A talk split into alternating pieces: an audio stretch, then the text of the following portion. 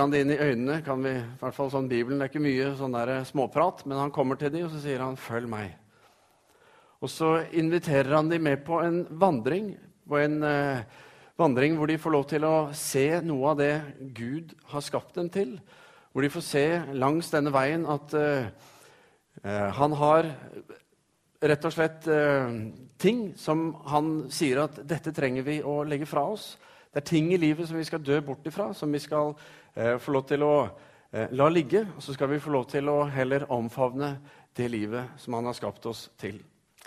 Å være en disippel det er, handler om å leve i balansen mellom invitasjonen og utfordringen. Men ofte så er utfordringene Kanskje oppleves de så mange eller så store at livet stopper opp i utfordringene, og så klarer vi ikke helt å eh, ta imot invitasjonene. Vi klarer ikke å omfavne det livet som det å være en disippel og følge Jesus handler om. Og Velg livet, prekenserien, handler om denne balansen i livet eh, som disipler. Det å kunne følge Jesus. Eh, når disiplene fulgte Jesus, så så de i han en som levde tilsynelatende bekymringsløst, Eh, han var fri til å uttrykke glede, han var fri til å uttrykke sorg. Han var fri til å uttrykke sinne også, der hvor det var behov. Jesus viste dem hva det vil si å kunne være fast, trygg og fri i livet. Og Peter han sier om Jesus at uh, han gikk rundt omkring og gjorde vel. Og Vi leser at han helbredet mennesker som var syke. Han, og Det var de ytre tingene, enten han var blind eller forskjellig. Men han helbredet også mennesker fra sår, fra uvaner og fra bindinger som de hadde i livet, som hadde fått slå rot. Og Det Jesus gjorde med disse disiplene som fulgte han, det var egentlig å lage små utgaver av seg selv. Peter, Jakob, Johannes og de andre de ble sånne eh, light, ikke light-versjoner, men småversjoner av Jesus. Eh, de bevarte selvfølgelig sin personlighet og sin egenart, men i etterfølgelsen av Jesus så ble de helt klart forvandlet til det Jesus var. De ble mer og mer lik han underveis, og de fikk ta del i det han hadde å gi. Og jeg tror det er noe eh, vi alle søker. Å få del i denne friheten, å få del i denne tryggheten. Å få kjenne det at eh, det livet Gud har skapt oss til, det er det vi får lov til å leve. At ikke vi skal gå og kjenne på at vi eh, sliter med det. Eh, spørsmålet blir da hvordan kan jeg få oppleve dette i mitt liv? Eh, og Det er det denne prekenserien handler om. Og har som mål og det er å gi svar og hjelp til nettopp dette. Eh, serien er basert på et opplegg som heter 'Celebrate Recovery'. Altså feir eh, det at du har fått eh, overvinne det som var vanskelig. Eh, eller feir gjenopprettelse. Det er vanskelig å finne gode norske ord. Eh, men det er et opplegg fra en menighet i California, Saddleback Community Church. Og det har vist seg å være veldig veldig effektivt. Og Vi bruker det her, for vi vet at i Salem Kristiansand brukte de det, og der har de gjort det med stort hell og har fått bety mye for mange. Det bygger på tolvtrinnsprogrammet til AA, Anonyme alkoholikere. Og så er det bearbeidet og fått godt, et godt bibelsk fundament. Og så har de da eh, utarbeidet åtte grunnprinsipper som dette er bygd på. Og det er de åtte talene som vi skal ha framover nå, fram til 6. mai.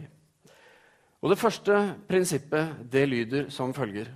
Jeg innrømmer at jeg er maktesløs og ute av stand til å kontrollere min tilbøyelighet til å gjøre gale ting, og at livet mitt ikke lar seg håndtere. Jeg skal lese den en gang til. Jeg innrømmer at jeg er maktesløs og ute av stand til å kontrollere min tilbøyelighet til å gjøre gale ting, og at livet mitt ikke lar seg håndtere. Sterke ord som brukes i dette første prinsippet. Men poenget er at det setter ord på det alvoret som vi møter når vi søker å leve livet på Guds måte, når vi ønsker å si ja til å følge Jesus. Vi har noe i oss, sier Bibelen. Vi har en syndenatur som gjør at eh, i vår egen kraft, når vi står alene, så har vi oddsene mot oss. Og eh, vi opplever fort at det blir vanskelig. Men Bibelen sier ikke bare at det er en syndenatur, men sier at Gud han er for oss. Han ønsker å gå sammen med oss og bære oss gjennom dette. I Matteus 5 så har du saligprisningene. og eh, Hver av disse saligprisningene ligger da til grunn for disse åtte prinsippene. og Den første av disse er 'Salige er de som er fattige i sin ånd, for himmelriket er deres'. Hvis du kjenner på at eh, du er maktesløs, føler deg uh, ikke åndelig sterk nok til å vinne over deg selv, og du synes at uh, ting, eller kanskje livet, virker håpløst, da er du nettopp det Jesus sier. Da er du fattig i ånden. Men hele poenget er at når du ser det, at du er fattig i ånden, hvis du kan innrømme det, det er jo nettopp da Jesus sier 'salig er du'. Eller for å ta et litt mer vanlig hverdagsord enn 'salig' lykkelig er du når du ser dette. Når du skjønner at 'i meg selv så er jeg svak'. Jeg trenger hjelp. Og dette er en utfordring for oss i vår tid. For vi lever i en kultur hvor det å være sterk er noe som forventes. Det er selvsagt. Man eh, skal liksom stå fram og ha orden på livet og ting og hverdag og alt. Svakhet er et nederlag i vår kultur. Men hva er det Jesus sier når du ser at du er svak og anerkjenner det? Salig er du. Gratulerer.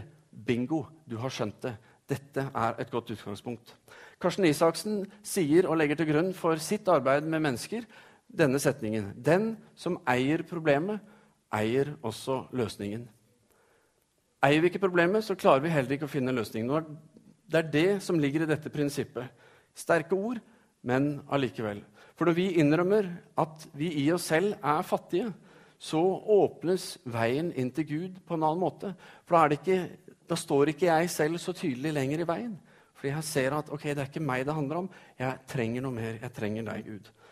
Og det er denne innrømmelsen som hjelper oss til å komme nærmere Gud på en ny måte. Og Jesus sier også eh, de siste skal bli de første. Så det er en omvendt måte å rekke på dette her. Denne mannen her kjenner du kanskje igjen. Han heter Dag Erik Pedersen. Han er en sportskommentator i, på TV. Når han var ung, så fikk han en sykkel av faren sin, en racersykkel, for han hadde lyst å ut og være med og sykle ritt.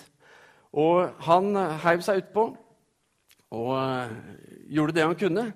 Eh, men i ritt etter ritt så kom han også inn på sisteplass.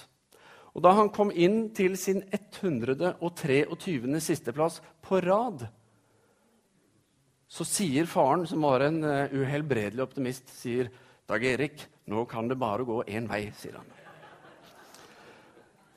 Merkelig nok så oppmuntret dette Dag Erik, så han skrev et brev til Norges idrettsforbund. hvor han skrev Hei, jeg heter Dag Erik Pedersen. Eh, jeg er glad i å sykle, og jeg har kommet til å få 123 sisteplasser i min karriere. Men jeg vil gjerne bli proffsyklist. Jeg vil vinne de store rittene internasjonalt. Kan dere hjelpe meg? Hva gjør du med en sånn henvendelse? Vel, det var en i Norges idrettsforbund som tenkte ok, la meg ta en prat med denne karen. Så har de en prat, og etter, eh, i denne praten så sier han du, Dag Erik, hvis du gir meg seks år av livet ditt, så vil jeg gi deg seks år av livet mitt. Og så skal jeg hjelpe deg med å realisere den drømmen du har. Og for de som kjenner litt til han, så vet du at eh, Dag Erik Pedersen fikk en ganske flott karriere. Han gikk fra 123 sisteplasser til 43 førsteplasser. Mange av de store internasjonale. Eh, de siste skal bli de første. Det viste han helt klart. Så er spørsmålet vil vi si noe tilsvarende til Jesus. Vil vi si, 'Jesus, kaller du meg til å være med på et eventyr med deg. Til å leve det livet som du levde. Til å få virkelig kjenne på den friheten som du har skapt meg til. At jeg skal få lære å leve, leve livet mitt sånn som du ville levd om du var i mine sko. Ja, da har jeg lyst. Da vil jeg være med. Er det noe som du kunne tenke deg? Kanskje sier du ja i dag for første gang. Kanskje har du sagt ja før og fornyer ja-et ditt og tenker jo, jeg skal gi dette en ordentlig sjanse. Så eh, Rett og slett bare fordi du ser at ok, status quo det er ikke bra nok. Jeg har lyst til noe mer. Og så sier du jeg ønsker å få tak i det som jeg har drømt om og håpet om for livet mitt. Og Da har jeg lyst til å oppmuntre deg til å være med på denne prekenserien. Få med deg alle talene. Og hvis det er en søndag du ikke kan være her, så gå på nett. Den kommer I løpet av uka etter så kommer den på nett, hvor du kan høre den. Fordi Det er noe med å få med seg hele den rekken. Da slipper du hullene. Og det er utarbeidet eh, et opplegg med spørsmål som du kan jobbe med, som vi skal legge ut på nett, eh, med opplegg hver, etter hver av talene, eh, som du kan bruke selv. Gjerne inn i gruppefellesskapet ditt hvis du er med i det. Og er du ikke det, så har vi lansert en ny ordning for smågrupper her i menigheten nå etter nyttår. Så ta kontakt hvis du lurer på det. Det ligger informasjonsbrosjyrer der. Det ligger informasjon om hvor du kan bli med en gruppe. ligger på nett. Har du ikke tilgang på nett, så tar du kontakt med meg etterpå. Så har vi tilrettelagt sånn at du kan få det. Og hvis eh, de tingene du kjenner på i livet ditt, enten i dag eller underveis i prekenserien, er av en sånn art at du kjenner at ok, dette er for eh, tungt å ta alene, det er for tungt å ta i et fellesskap, jeg trenger én-til-én med noen, så har vi en veiledningstjeneste her i menigheten. Kommer en brosjyre nå i løpet av kort tid for å hjelpe dere å se mer av hva det er. Men inntil da kan du enten ta kontakt med meg eller Eli Stølsvik, som reiser seg opp nede i salen her nå. Dette er Eli. Hun er leder for veiledningstjenesten i menigheten. Ta kontakt med Eli, meg, en av de andre pastorene, hvis du trenger å uh, få litt veiledning eller prate med noen. Om du er ærlig og reflekterer over livet ditt, stikker fingeren i jorda, kjenner etter hvor er det, så kan det hende at du kommer fram til noen konklusjoner. Kanskje sier du at på en skala fra 1 til 10 så er du på en 11. Men det er lov å si halleluja. Det er lov å si takk, Gud, for at jeg får lov til å ha det så bra, så velsigna.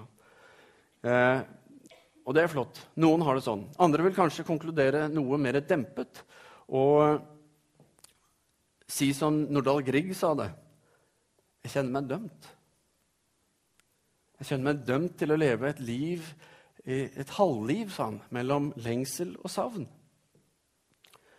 Nå er det sånn at det er ikke du og jeg er dømt. Det er det denne prekenserien handler om. Vi skal få lov til å eh, bli fri fra den følelsen. Men der, med rette så tror jeg veldig mange av oss føler det. Går og bærer på det. For livet er tungt, livet er vanskelig. Men hva gjør vi med det? Eh, kanskje lurer du på når er det min tur? Når skal jeg få lov til å slå ut i full blomst? Når skal livet gå min vei? Ja, da vil jeg oppmuntre deg til å være med på dette. Og Vi skal sammen se på noen spørsmål nå videre, men før vi tar tak i de, så skal vi dempe belysningen og så skal vi snurre film. Hallo sann. Eh, mitt navn er Kim Ronny Hansen. og Jeg har grunn, grunnfag i, i lærerskolen og, og er fotsomterapeut i bånn. Ja. Jeg driver som konsulent nå i næringsliv og, i offentlig sektor for å, for å, hjelpe til med problemløsning på forskjellige nivåer i alle organisasjoner. Og Jeg skal vise dere et flytdiagram på problemløsning som jeg har brukt mye, og som jeg vet er veldig stor suksess med. Helt inn i regjeringen har de brukt dette, og det fungerer utrolig bra. Jeg tenkte jeg skulle vise dere dette. Og da er jo spørsmål nummer én Spørsmål nummer én er jo fungerer det. Hm? Gjør det det? Hm? Ok? Fungerer. Jeg tenker ikke bare på hjemme og sånn. Jeg tenker mer på, sånn på, på jobben. da. Det jeg tenker på, det er det som er min sektor jeg skal jobbe med. Men jeg tenker på ikke bare hjemme, men fungerer det? Hæ? Ja. Og kan du si ja på det? Hvis du kan si ja på det, OK? Hold deg langt unna. Og som dere ser her problemet er løst. Ja? Fungerer det? Hold deg langt unna problemet løst. Men fungerer det ikke, nemlig nei, fungerer det nei, har du tuklet med det? Hm? Har, du, har, du, tuklet med det? Hm? Nei. OK, hva kommer her? Skal vi se. Får du skylda for det, da? Når du har tukla med det? Hm? Nei, du gjør ikke det. Nei vel. Kast i søpla. Så enkelt er det. Bare hold hodet kaldt. Så tukla med det? Nei. Får du skylda for det? Nei, søpla. Problemet løst. Men har du tuklet med det? Ja. Du svarer? høyt og tydelig. Ja, jeg har tukla med det. Du skal si det sånn. OK. Ja, da får jeg si idiot med utropstegn etter. Hæ? Ser du det? Skulle aldri tukla med det. Skulle aldri ha gjort det. Ikke tukle med det. Idiot. Og se her hva det kommer opp i dag. Jo, vet noen andre om det? Ser du det? Ja. Andre vet om det. Stakkars deg. Stakkars deg. Du blir mindre og mindre og krokete og krokete i ryggen. Se på det. Stakkars deg. Å, kan du skylde på andre når andre vet om det, og stakkars deg og alt det der. Kan du skylde på andre? Ja, du kan skylde på andre, og problemet er løst. Ser du det? Men kan du skylde på andre? Nei. Stakkars deg. Og det er det jeg kaller den onde sirkel. Ikke kom inn i den onde sirkel der. Skylde på andre. Nei, stakkars deg. Kan du ikke skylde på andre? Nei, jeg kan ikke det. Kan pakker ikke det. Kan du ikke skylde på andre? Nei, onde sirkel. Så fungerer det. Nei, har du tukla med det? Ja, idiot. Vet noen andre om det? Ja, stakkars deg. Kan du skylde på andre? Ja, problemløst. Kan du skylde på andre? Nei, stakkars deg. Og der går det. ja. Så Poenget er i det hele tatt i offentlig sektor, og bare, ikke bare der, overalt ellers, om du fungerer hjemme eller ikke i det hele tatt. Ja, skyld på andre. Skyld på andre. Og, og du vil gå en lystid i møte i din organisasjon.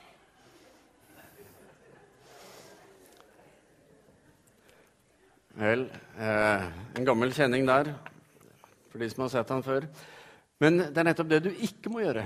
Fordi vi gjør så lett dette. Vi har så lett for å vende skylden videre rundt på andre, på Gud, på naboen, på ektefellen, hvem det måtte være. Men vi må ikke skylde på andre, for det er ikke et helbredende valg. Det hjelper oss ikke videre i livet hvis vi velger å skylde på andre. Og en som sa det at nå må folk se og skjerpe seg, ellers så kommer ikke jeg til å få en eneste glad dag i livet mitt. Han skjønte nok ikke at han var en del av det problemet som surra rundt han. Eh, men vi ønsker altså at, uh, å gi hjelp til å tenke ærlig om livet. At du får tenke ærlig om ditt eget liv. Og spørsmålet som vi skal se på her nå, er for å se hvordan kan vi få hjelp til å gjøre noen grep i forhold til dette halvlivet. Og Det første spørsmålet er bærer du på skyld. Og hvis du svarer bekreftende på det, så gjør ikke det deg annerledes. Alle bærer på skyld i en eller annen form. Det er ikke det som skiller oss mennesker, om vi bærer på det eller ikke. Det som skiller oss, er hva vi gjør med skylden. Altså, Går vi til Gud med den, eller velger vi å bære den selv? Og Jeg har lyst til å oppmuntre deg til det. Gå til Gud med skylden din. Gå til Jesus med det som tynger deg. For I Matteus 11 sier Jesus selv, vers 28.: Kom til meg, alle dere som strever og bærer tunge byrder, og jeg vil gi dere hvile. Historien om Jesus handler om at Gud selv bærer all vår synd og tar all skyld og straff på seg. Bibelen sier han ble gjort til synd for at vi skulle ha fred. Han er din stedfortreder. Han kan, og han vil sette deg fri. Bibelen sier det. Et annet spørsmål er tror du iblant at du vet bedre enn Gud. Det hender at uh, jeg gjør det. At jeg prøver å opptre som Gud og lage mine egne leveregler og tenke dette har jeg kontroll på. Uh, for å ta et eksempel, Bibelen er klar på at uh, vi som mennesker vi trenger hvile. Og skapelsesberetningen, eh, som er den første i Bibelen, sier jo det. ikke sant? Syvende dagen, hviledagen. Jeg hadde en periode i livet mitt hvor jeg arbeidet altfor mye. Jeg hadde mye ansvar, hadde mange utfordringer, og jeg tok på meg altfor stor grad det derre ansvaret for å skulle løse dette og se gjennom alle disse tingene. Og I tillegg så gjorde jeg dette i egen kraft. Det vil si, jeg tillot meg ikke selv å hvile. Jeg kjørte på og tenkte her må vi bare stå på. Eh, jeg levde i problemene hele dagen. Jeg tenkte på dem om natten, og de tok knekken på meg til slutt. Opp gjennom livet mitt så har mange beskrevet meg som en potet som kan brukes til mange ting. Og erfaringen har vist meg at jeg også kan bruke som potetmos. Eh, men det tok altså et helt år av livet mitt å gjøre det. Et av de ti bud sier du skal holde hviledagen hellig. Og som Geir Johansen eh, sa det så bra, du kan ikke bryte Guds bud uten selv å bli brutt. Et annet spørsmål er er jeg kont kontrollfrik. Er jeg eh, jeg vet ikke om du kjenner deg igjen, men Prøver du å kontrollere det bildet som andre skal ha av deg? Ved å skjule eller fornekte svake sider, prøve å framstå eh, som at alt er i orden. Bruke masse krefter på å bevare bildet av deg selv som at eh, alt er ok, jeg lever livet mitt på en rød løper. Ikke noen problemer, alt ordner seg. Sånn er det. Vet du hva? Bibelen sier noe. Det har skjedd noe som fritar oss fra denne tunge byrden av å skulle framstå som perfekte hele tiden og hele tiden kjempe for at alle skal tro og oppleve det. Det Jesus gjorde på korset, det tydeliggjør at alle har vi svakheter, og alle trenger vi Gud. Ingen lever på den røde løperen. Korset forteller oss at Gud søker fellesskap med oss på tross av våre svakheter, på tross av våre feil og mangler. Og det forteller oss at han har forsonet oss og hele verden med seg selv. Gud elsker oss uansett, og han kommer aldri til å kunne Han kan, altså han kan aldri ikke elske oss. Det er hans natur. Derfor inviteres vi til å komme til han og leve i lys av hans liv. Hvor vi kan få lov til å senke skuldrene, hvor vi kan få lov til å være oss selv. Dette er noe vi trenger eh, å elske fram i kirken. Vi trenger å få dette fram fordi eh, mange mennesker har et eh, inntrykk av at kirken er et sted for de som får det til. De som har løst det. Mange tror at foran kirken så er det en rød løper. Og vet du hva? Mange som går i kirken, tror også det. Sånn at når ting ikke er bra, så holder de seg unna, for de er ikke gode nok. Og jeg tror det er mange som holder seg unna rett og slett fordi de føler at sånn er det. Men du og jeg som er her inne, som går i kirken er ikke bare denne kirken, men jeg tror det gjelder de aller fleste kirker i Norge. Vi vet jo at det er ikke sant om livet vårt. Vi er ikke perfekte. Vi har ikke noen rød løper som, følger, som rulles ut foran oss hele veien fordi vi har mestra det. Men la oss gjøre noe med det, da. La oss være de som står fram og er ærlige om livet, og som sier at OK, i dag er livet dårlig, men jeg får lov til å kjenne at jeg er elsket av Gud. Jeg får lov til å være i fellesskap med andre. Jeg får lov til, Og så kan vi dele de gode historiene og stå sammen om dette. Fordi vi trenger et sted hvor ingen perfekte mennesker er tillatt. For de finnes ikke. Det handler om å være ærlig om livet. Det er, å, det er gjerne sånn at vi ikke alltid er der i livet som vi kunne tenke oss å være. Men det er helt ålreit. Det er helt ok. Men det er noe med å sette ord på det. Det er noe med å ta tak i det være ærlig om det. En annen ting du kan spørre deg selv om, er har jeg latt meg fange i uvaner som jeg ikke kommer ut av. Det kan eh, fort skje. Det var en prest som kom gående eh, gjennom bygda en dag og gikk forbi en av bygdas eh, alkoholikere. Og Alkoholikeren han tok en eh, god støyt av brennevinsflaska si og sa han, 'Dette, prest, dette kan ikke du gjøre', sa han. Så han, Nei, det kunne jeg nok godt ha gjort, sa presten, 'men jeg kan la være, og det kan ikke du', sa han. Sikkert ikke med så mye snert i det, så det var litt mobbende. Men eh, det som begynte som en lek, blir fort en alvorlig lek. Fordi vi insisterer på frihet. Og vi blir fort fanget i den friheten som vi insisterer på å ha. Og det er mange ting som kan ta oss. Kanskje er det pornografi. Altså, Aldri har det vært så tilgjengelig på Internett. Og Jeg har selv stått her framme og sagt at uh, idet jeg begynte min pastorgjerning, så var det en ting jeg tok med meg inn i det, og som jeg trengte å bli fri fra. Og jeg opplevde å bli fri fra det. Og mange, ikke bare unge menn, Voksne menn, gamle menn, kvinner. Alt dette her ligger der ute, og det er et kjempeproblem som mange sliter med. Det kan være middelmådighet som vi sliter med. Vi har masse gode intensjoner om ting vi skulle ha gjort og fått til, og skulle ha prata med den naboen om det eller den kollegaen om det, og vi skulle invitert sånn, og vi skulle gjort det. Men så får vi det ikke til. Det strander i en sånn derre OK, nei, det er bare meg. Nå må jeg liksom ordne med mitt. Eh, og det er mange grunner, men vi har lett for å bli holdt tilbake og bli middelmådige fordi vi blir for fokusert på oss selv og vårt eget. Spør deg selv har jeg noen sår som ikke vil gro. Har jeg noen sår i livet som ikke vil gro? Er det derfor jeg lever dette halvlivet mellom lengsel og savn? I så fall, vær ærlig med det. Sett ord på disse sårene. Gjør noe med det. Kanskje ble du avvist som barn. Kanskje ble du mobbet i skolen og opp igjennom. Kanskje er du blant de ulykkelige som har opplevd å eh, være utsatt for overgrep. Kanskje har den drømmen som du bar med deg i livet, gått filleveien. Og I dag er du kanskje som eh, han som blir beskrevet i Jesaja, som eh, bare aske holder han seg til, eller nærer han seg på. Bare aske nærer han seg på. Slik blir en beskrevet i eh, Jesaja. Men hva er aske? Jo, aske det er restene etter det som er blitt brent, det som er borte, det som ikke er lenger. Det er det som sitter igjen, hvor man klynger seg fast til det som en, eh, en gang var der. Kanskje er det sår, kanskje er det andre ting som holder deg tilbake, og som styrer og dominerer livet ditt. Men da skal jeg fortelle deg at Gud har et helt annet mål for deg. Fordi i samme boka, Isaiah 61, vers 3, så sier han, 'Jeg vil gi deg hodepynt istedenfor aske. Gledens olje i stedet for sorg.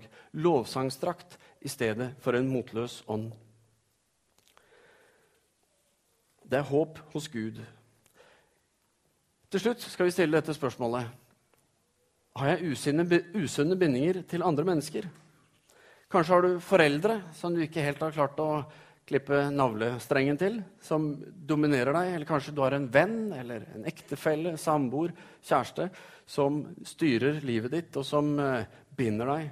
Kanskje er det en som har såret deg. Ofte er det der bindingen ligger. Vi er veldig styrt i forhold til de. Ta tak i det. Vær ærlig om det. Gjør noe med det. Og husk at tilgivelse er det viktigste du kan ta med deg inn i dette. Vi trenger alle å bli tilgitt, og vi trenger alle å tilgi. Vel, nå har vi sett på en del spørsmål som vi kan stille oss selv. Og eh, nå skal ikke du legge på deg og tenke at nå skal jeg løse alle disse tingene selv. For da er du plutselig inne i det vi snakket om, dette med at, eh, å gjøre seg selv til Gud. Og det skal vi da ikke gjøre. Eh, fordi vi ser i Bibelen at Gud er allmektig. Og er du som meg og våger å være ærlig. Ikke at jeg er så ærlig, mange ting var ikke det jeg mente, men er du som meg, så kjenner du på avmakt. Det var det jeg skulle si. Så er det det med å være ærlig inni det. Der har jeg utfordringer, jeg som alle andre, tror jeg. Eh, og når vi er ferdig med denne prekenserien, så har vi eh, fylt ut et akronym som heter frigjort. Et akronym er et ord hvor hver bokstav er begynnelsen på et annet ord eller setning. Og Dette akronymet som vi skal jobbe fram, det heter altså frigjort. Og F-en som vi har i dag, den står for 'forstå at jeg ikke er Gud'. Altså forstå i den forstand at du ser at 'jeg trenger hjelp'. Og den som kan gi meg den beste hjelpen, jo, det er nettopp Gud. Det er ikke jeg som er Gud, men det er han, og jeg trenger hjelp. Jan Olav Henriksen ved Menighetsfakultetet han sa i et intervju i Vårt Land for en rekke år tilbake han sa, «Eh, mennesket trenger Gud. Om ikke annet så for å unngå å gjøre seg selv til Gud. For det ligger i oss. Vi prøver å styre oss selv. Så er spørsmålet, Blir du med på denne prekenserien, på denne reisen som prekenserien er, så vil du kanskje oppleve ved reisens slutt at dette akronymet beskriver hva som har skjedd i livet ditt. Det er målet. At du skal få feire at du har fått velge livet og lagt bak deg bindinger, sår, uvaner osv.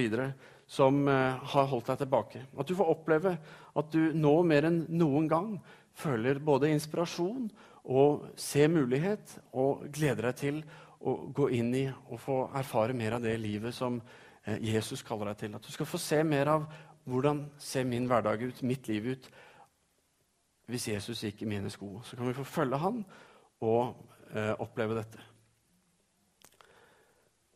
Oppreist og fri. Fri fra bekymringer, ikke uten bekymringer men fri fra alle de bindingene som følger bekymringene. Livet har mange ting som holder oss tilbake. Bli med, velg livet, og la Gud få lov til å være den som viser deg og leder deg på den veien, skal vi be. Kjære himmelske Far, jeg takker og priser deg, Herre, for at uh, du har gitt oss livet. Du er uh, livets skaper. Du sier selv at uh, du både er veien, og du er sannheten, og du er livet. Og Vi ber her at du skal hjelpe oss til å velge å være ærlige om våre liv. Velge å se at vi klarer ikke dette alene, at vi trenger å få hjelp fra deg, her. Vi ber deg, her om at du skal tale til oss, røre ved oss, og at uh, du ikke skal uh, uh, la oss bli overlatt til oss selv. Men her, her ser du at mye er tilrettelagt for at vi kan gjøre noe sammen med deg, sammen med hverandre og, eller med en veileder eller sjelesørger eller hvem det er, men at vi skal få ta tak i livet vårt og velge alle de gode sidene, Herre, som du kom for å gi. At vi kan legge fra oss det som holder oss tilbake. Så Herre, vi bare ber om en forløsning Herre, av din ånd. At du taler til den enkelte. At du eh, lar ditt liv få lov til å vokse fram i våre liv, Herre. Som vi tar valgene et steg av gangen underveis. Priser deg, Herre, fordi du er livets herre, og du har kommet for at vi skal ha fred. Jeg ber Jesu navn. Amen.